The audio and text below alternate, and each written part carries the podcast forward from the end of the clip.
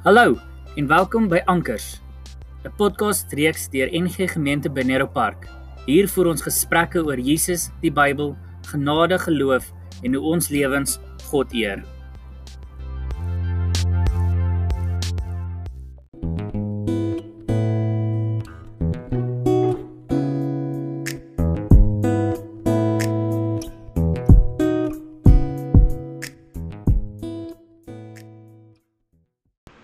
Goeiemôre. Dit is vandag die 26ste Augustus.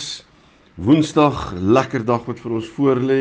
Temperatuur lyk omtrent hier by 26 grade Celsius, so dit lyk asof die somer aan die kom is, maar ons het al geleer, mens kan in September ook koud kry.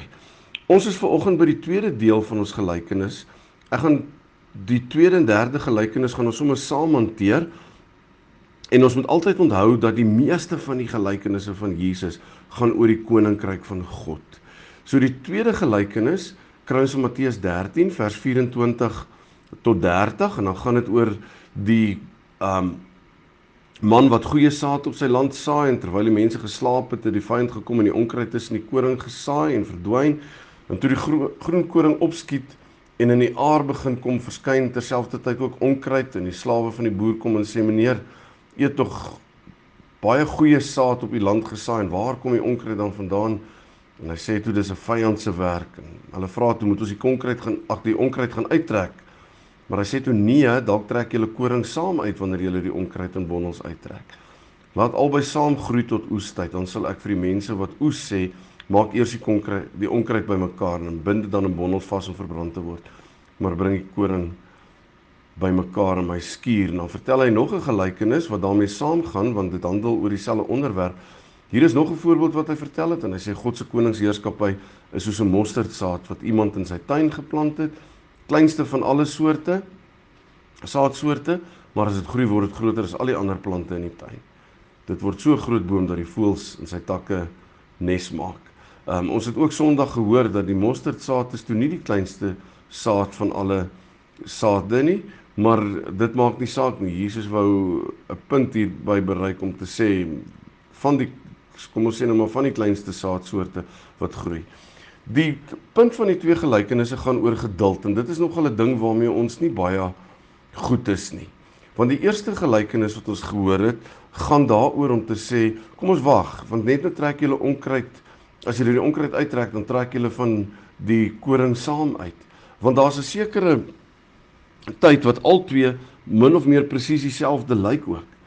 Um en dan sê die boer maar, "Jo, net nou trek hulle van die koring ook uit. So kom ons wag tot op die einde.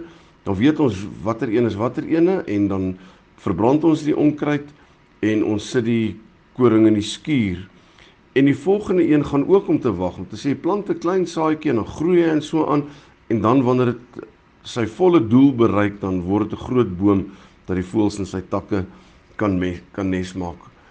Ons is nie goed met uh wag nie. Ons hou nie daarvan nie. Ek is ook nogal goed. Kom ons dink byvoorbeeld hoeveel keer mense vandag ook in ons tyd vra maar waarom gryp God nie in nie? Waarom doen hy nie iets nie? Hierdie hartseer goeters wat gebeur, hierdie tra tragedies, hierdie moorde, hierdie verkrachtings, hierdie slegte goed wat in ons wêreld gebeur. Hoekom hoekom gryp God net nie in nie? Um en dan as 'n mens vir jouself dink, maar sien nou maar God het elke keer ingegryp, waar sou die wêreld dan gewees het, nê? Nee? Um elke fout wat ons gemaak het, sou onmiddellik ons gestraf het. Byvoorbeeld, um elke stukkie ongeregtigheid sou onmiddellik 'n straf gewees het.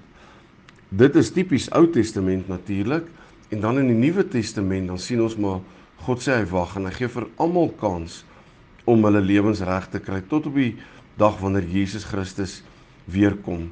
En die tweede gelykenis gaan presies dieselfde en as jy die een dan nalees, dan gaan dit ook oor die ehm um, oor die suurdeeg wat ou moet wag. Ehm um, net so kan 'n mens as jy brood gebak het en wag dat die deeg moet rys, kan nie sommer net inspring sonder dat die deeg gerys het nie. Dit moet eers rys. Dit moet eers dan moet 'n klomp goed gebeur sodat dit kan wees wat dit moet wees.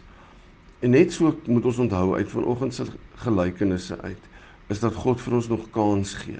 God vir ons gee vir ons elke dag kans om om ons saak met hom reg te maak, om reg te lewe. En soos wat hy vir ons kansse gee, so hy gee vir ander mense kansse wat hom nog nie ken nie en wat hulle saak met hom kan regmaak.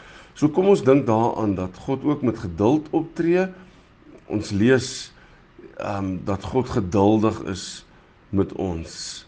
So dit is 'n ding wat ons uit vanoggend se gedeeltes uit moet onthou. So ons weet dat God dadelik kan ingryp as dit moet. Kruisiging is 'n goeie voorbeeld daarvan, maar dit is jare in die beplanning gewees. So ehm um, God gee vir ons kansse om reg te maak. Hy gee vir ons kans om reg te maak met mense, met hom, met onsself. Ehm um, so kom ons gebruik die geleentheid tot op die dag wanneer ons sterf of sy wederkoms dat ons kan regmaak want die uitstel beteken ook dat ons nog kans het om om reg te maak. So kom ons gebruik dit.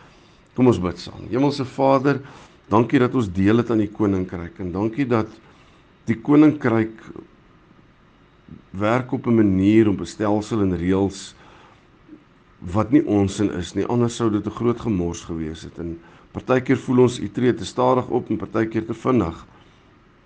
Maar Here, ons glo en ons vertrou dat u altyd beter weet. So ons bid ver oggend ook vir geduld. Dat ons geduldig met onsself sal wees, met mense om ons, dat ons geduldig ook met u sal wees. En dat ons sal besef dat daar ook dinge gebeur wat nie u wil is nie. Soos hierdie skelm wat gekom het om die vyand om die onkruid te saai in dieselfde bedding waarin daar koring was. Dat dat, dat dit ook gebeur ook in ons lewens, maar dat hy altyd by ons is. Dankie daarvoor, Here. Amen. 'n Lekker dag verder vir almal en uh geniet dit. Kom ons wees geduldig.